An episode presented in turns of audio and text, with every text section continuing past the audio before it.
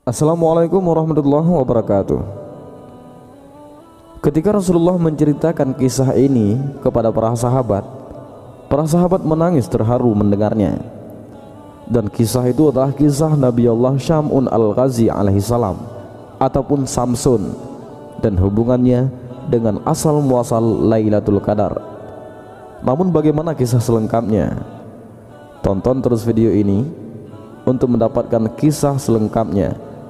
Namun sebelum melanjutkan videonya, jangan lupa untuk klik like videonya, bagikan video ini sebagai sarana dakwah dan jangan lupa tekan tombol subscribe untuk mendapatkan video-video terbaru dari channel Tafakkur Fiddin. Terima kasih. Nabi Syamun Al-Ghazi alaihissalam memiliki beberapa nama. Dalam bahasa Arab, beliau disebut dengan Syamsyaun ataupun Syamun. Dalam bahasa Ibrani disebut dengan Simson. Dalam bahasa Tiberias disebut dengan Shimshon. Dalam Alkitab Nasrani beliau disebut dengan Samsun Nama Syamun sendiri artinya yang berasal dari matahari Sedangkan Al-Ghazi artinya yang berasal dari Ghazi Ataupun Gaza, Palestina sekarang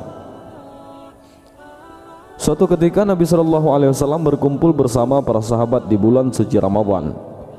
Beliau Rasulullah terlihat tersenyum sendiri, lalu ditanya oleh para sahabatnya, apa yang membuatmu tersenyum wahai Rasulullah?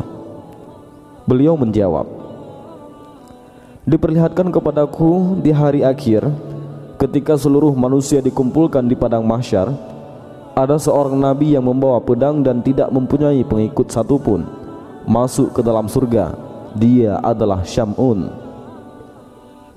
ketika Rasulullah bercerita tentang seorang nabi bernama Samun al-Ghazi alaihi salam Beliau adalah nabi yang berasal dari Bani Israel yang diutus di tanah Romawi.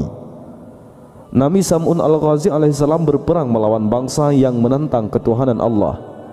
Nabi Syamun alaihissalam adalah seorang pahlawan berambut panjang yang memiliki kemukjizatan dapat melunakkan besi dan dapat merubahkan istana. Nabi Syamun memiliki senjata semacam pedang yang terbuat dari tulang rahang unta bernama Liha Jamal dengan pedang itu, ia dapat membunuh ribuan orang kafir. Siapa pun musuh yang berhadapan dengannya, pasti akan hancur dengan pedang ajaibnya. Tak hanya itu, bahkan ketika dia merasa haus dan lapar, dengan perantara pedangnya, Allah memberikan makanan dan minuman juga. Nabi Syamun seorang muslim dan seorang ahli ibadah yang sangat disegani oleh kaum kafir sudah tak terhitung lagi orang kafir yang mati di tangannya. Selain itu, Syamun juga ahli ibadah yang tercatat ia sanggup beribadah selama seribu bulan dengan sholat malam dan siangnya berpuasa. Di mana selama seribu bulan tak pernah lepas dari sholat malam dan siangnya selalu berpuasa. Beliau juga dikenal seorang pembela agama tauhid, yaitu mengesahkan Allah, berperang melawan kaum kafir selama seribu bulan hanya berbekal tulang dagu unta sebagai senjata dan tidak memiliki senjata yang lain. Setiap kali menghantam kaum kafir dengan pedangnya, terbunuhlah banyak kaum kafir dalam jumlah yang tak terhitung. Dengan hanya bersenjatakan tulang rahang seekor unta yang dibentuk menyerupai sebuah pedang pendek yang tajam, Nabi Syamun berperang melawan bangsa yang menentang Allah dengan penuh keberanian dan selalu dapat mengalahkan mereka. Ketangguhan dan keperkasaan Nabi Sam'un dipergunakan untuk menantang penguasa kaum kafirin saat itu, yakni Raja Israel. Menghadapi kesaktian Nabi Syamun al-Ghazi membuat para kafirun kewalahan. Mereka mencari jalan untuk bisa menundukkannya dan dengan segala kehebatannya itu ia dibenci oleh para musuh terutama dari golongan orang kafir. Akhirnya sang raja Israel mencari jalan keluar untuk menundukkan sang nabi. Berbagai upaya pun dilakukan olehnya, sehingga akhirnya atas nasihat para penasehatnya diumumkanlah. Barang siapa yang dapat menangkap Samun al-Ghazi akan mendapat hadiah emas dan permata yang berlimpah. Akhirnya ide licik pun ditemukan. Mereka menawarkan hadiah berupa uang dan perhiasan yang berlimpah kepada istri Nabi, yaitu istri Nabi Samsun, dengan syarat ia bersedia melumpuhkan suaminya. Istri Nabi yang ternyata seorang kafir sangat tergiur oleh hadiah itu. Mereka kemudian memanfaatkan istri Syamun untuk ikut membantu membunuh Syamun. Setelah dirayu dengan imbalan yang menggiurkan, sang istri mengiyakan ajakan kaum kafir untuk membunuh Syamun suaminya sendiri. Karena ada iming-iming harta benda yang banyak, si istri akhirnya mau melakukan kejahatan itu. Maka orang kafir memberikan ide agar dia mengikat tangan dan kaki Syamun sewaktu tidur untuk kemudian akan dibunuh dengan beramai-ramai. Para pembesar-pembesar kafir berkata, "Kami akan memberimu seutas tali yang kuat. Ikatlah dengan tali itu akan tangannya dan kakinya ketika dia tidur. Nanti setelah itu, kamilah yang bertindak untuk membunuhnya." Pada hari pertama istri Syamun gagal karena ketiduran yang disebabkan karena suaminya terlalu lama mengerjakan sholat malam. Lama waktunya itu sehingga membuat istri Syamun tak kuasa menahan kantuk yang amat sangat. Memang Syamun al-Ghazi tidurnya hanya sedikit saja dalam semalam, di mana malam-malamnya hanya dipergunakan untuk beribadah kepada Allah.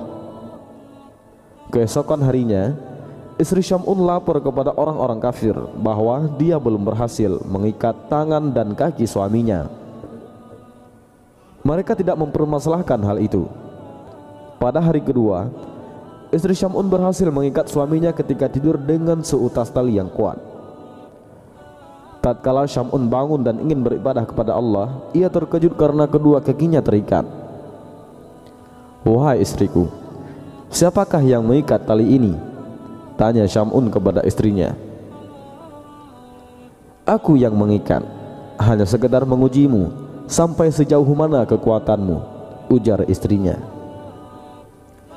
Syamun dengan mudah dapat melepaskan tali yang mengikatnya Dengan satu ucapan doa Kemudian Syamun lalu bergegas menuju tempat peribadatannya Maka gagallah rencana pembunuhan pada hari kedua itu namun setelah itu, musuh-musuh kafir datang lagi dengan membawa rantai dan istri Syamun pun siap mengikat suaminya lagi pada keesokan malamnya. Pada hari ketiga, istri Syamun itu berhasil lagi mengikat suaminya dengan rantai yang diberikan oleh orang-orang kafir. Wahai istriku, siapakah yang mengikatku dengan tali ini? Tanya Syamun dengan nada agak marah ketika bangun dari tidurnya. Aku yang mengikatnya Sekedar untuk mengujimu Jawab istrinya Namun dengan sekali hentakan Syamun dapat menghancurkan rantai tersebut Lalu Syamun al-Ghazi segera menarik tangannya dan memotong rantai itu Kemudian istrinya pun segera membujuk suaminya agar mau menceritakan rahasia kekuatan tubuh yang dimiliki suaminya Akhirnya Syamun bercerita juga jika sebenarnya ia adalah seorang wali yang sekian banyak daripada waliullah yang hidup di dunia ini. Syamun berkata, Wahai istriku, aku wali di antara wali kekasihnya Allah. Segala perkara dunia ini tidak ada yang sanggup mengalahkan mengalahkanku. Aku punya rambut panjang ini. Ketahuilah bahwa tidak ada seorang pun yang mampu mengalahkanku dalam perkara dunia kecuali rambutku ini. Jelas Syamun Al-Ghazi. Syamun memang memiliki rambut yang panjang dan panjangnya digambarkan bahwa ujung rambutnya akan menyentuh tanah saat Syamun berdiri. Karena sudah mengetahui kelemahan suaminya, akhirnya pada saat Syamun tidur, mulailah istrinya mengikat tangan Syamun dengan empat helai rambutnya dan mengikat pula kakinya dengan empat helai rambut milik Syamun. Sementara ia tetap dalam tidurnya. Setelah bangun, Syamun bertanya, Wahai istriku, siapakah yang mengikatku ini? Aku, untuk mengujimu. Jawab istrinya yang mulai ketakutan. Setelah itu, Syamun berusaha dengan sekuat tenaga untuk melepaskan ikatan itu. Namun dia tidak berdaya untuk memotongnya. Sri-Sri langsung saja memberitahukan kepada kaum kafir tentang hal ini. Nabi Syamun alaihissalam lalu dibawa ke istana ke hadapan raja para kafirun itu lalu diikat pada tiang utama istana dan dipertontonkan kepada khalayak istana mulailah mereka memotong kedua telinga bibir kedua tangan dan kakinya. Tidak hanya itu, Nabi juga disiksa dengan dibutakan kedua matanya. Mereka menyiksa Nabi dengan tujuan agar beliau mati secara perlahan-lahan.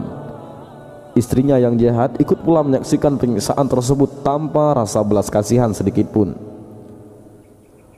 Begitu hebatnya siksaan tersebut membuat Allah Subhanahu wa taala lewat perantaraan malaikat Jibril berbicara dengan suaranya yang hanya bisa didengar oleh Nabi Syamun alaihi salam.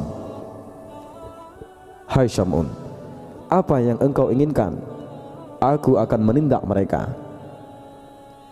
Nabi Syamun menjawab, Ya Allah, berikanlah kekuatanku padaku hingga aku mampu menggerakkan tiang istana ini dan akan aku hancurkan mereka dengan kekuatan darimu ya Allah. Bismillah. La haula wa la quwata illa billah. Doa Nabi Sya'un al-Ghazi alaihissalam dikabulkan oleh Allah subhanahu wa ta'ala. Allah subhanahu wa ta'ala memberi kekuatan kepada Syam'un yang kekuatannya tidak bisa dibayangkan dan melebihi kekuatan dari rambutnya sendiri. Maka dengan seizin Allah Nabi Syam'un al-Ghazi alaihissalam menggoyangkan tiang istana tersebut Nabi Syamun hanya bersingkut sedikit saja. Putuslah tali rambut itu. Bahkan tiang itu pun rubuh menimpa raja bersama seluruh khalayak istana Termasuk istrinya yang durhaka Dan orang-orang yang telah menyiksanya. Tiangnya juga ikut roboh dan hancur lebur. Istana yang dijadikan tempat pembantaian Itu juga turut hancur dan atapnya menimpa orang-orang kafir Dan semuanya pun mati Begitu juga dengan istrinya, juga ikut tertimpa reruntuhan gedung istana kafir itu. Mereka semua mati tertimpa reruntuhan bangunan istana dan kut terkubur di dalamnya. Hanya Syamun sendiri yang selamat. Lalu Allah pun mengembalikan seluruh anggota badan yang telah terpotong dan menyembuhkan segala yang beliau rasa sakit itu. Setelah peristiwa itu, Nabi Syamun al-Qazi alaihissalam bersumpah kepada Allah akan menebus semua dosanya dengan berjuang menumpas semua kebatilan dan kekufuran selama seribu bulan tanpa henti. Nabi Syamun Al-Ghazi juga menyibukkan diri dalam beribadah kepada Allah. Malam hari dilalui dengan memperbanyak salat malam sedangkan siangnya beliau berpuasa. Nabi Syamun menjalankan ibadahnya selama seribu bulan hingga ajalnya tiba. Dan setelah mendengar kisah Nabi Syamun al-Ghazi alaihissalam yang dikisahkan oleh Rasulullah para sahabat Rasulullah menangis terharu bertanya kepada Rasulullah Ya Rasulullah tahukah engkau akan pahalanya Rasulullah menjawab aku tidak mengetahuinya setelah Rasulullah selesai berkisah, Allah Subhanahu wa taala menyuruh malaikat Jibril datang kepada Nabi Muhammad wasallam dan menurunkan surat Al-Qadar. Hai Muhammad Allah memberimu Lailatul Qadar kepadamu dan kepada umatmu. Ibadah pada malam itu lebih utama daripada ibadah seribu bulan Ujar malaikat Jibril. Allah subhanahu wa ta'ala berfirman dalam surat Al-Qadar ayat 1 sampai 5 yang artinya Sesungguhnya kami telah menurunkan Al-Quran pada malam kemuliaan. Dan tahukah kamu apa malam kemuliaan itu? Malam kemuliaan itu lebih baik dari seribu bulan. Pada malam itu turun malaikat Dan malaikat Jibril dengan izin Tuhannya untuk mengatur segala urusan. Malam itu penuh kesejahteraan sampai terbitnya fajar. Mendengar berita itu Rasulullah menyuruh sahabat-sahabatnya untuk berburu malam Lailatul Qadar agar mendapat pahala seperti yang Allah Subhanahu wa taala berikan kepada waliullah Syam'un Al-Ghazi. Apabila fajar telah terbit di malam qadar, maka malaikat Jibril berkata, "Wahai para malaikat, kumpul kemari." Para malaikat berkata, "Ya Jibril, apa yang Allah perbuat untuk kaum muslimin di malam ini dari umat Nabi Muhammad sallallahu alaihi wasallam?" Jibril menjawab, "Sesungguhnya Allah memandang kepada mereka dengan penuh kasih sayang." Allah memaafkan serta mengampuni dosa-dosa mereka kecuali empat kelompok. Para malaikat bertanya, siapa empat kelompok itu? Jibril menjawab, pertama orang yang membiasakan diri minum arak. Kedua, orang yang durhaka kepada orang tuanya. ketiga orang yang memutus silaturahmi dan keempat orang yang bertengkar yaitu pertengkaran dengan sesama yang belum damai dalam jangka waktu tiga hari dan itulah sedikit kisah Nabi Allah Syam'un alaihi salam ataupun Syam'un al-Syam'un al-Ghazi. Dan semoga kisah ini ada manfaatnya bagi kita semua. Amin ya rabbal alamin. Wallahu a'lam bissawab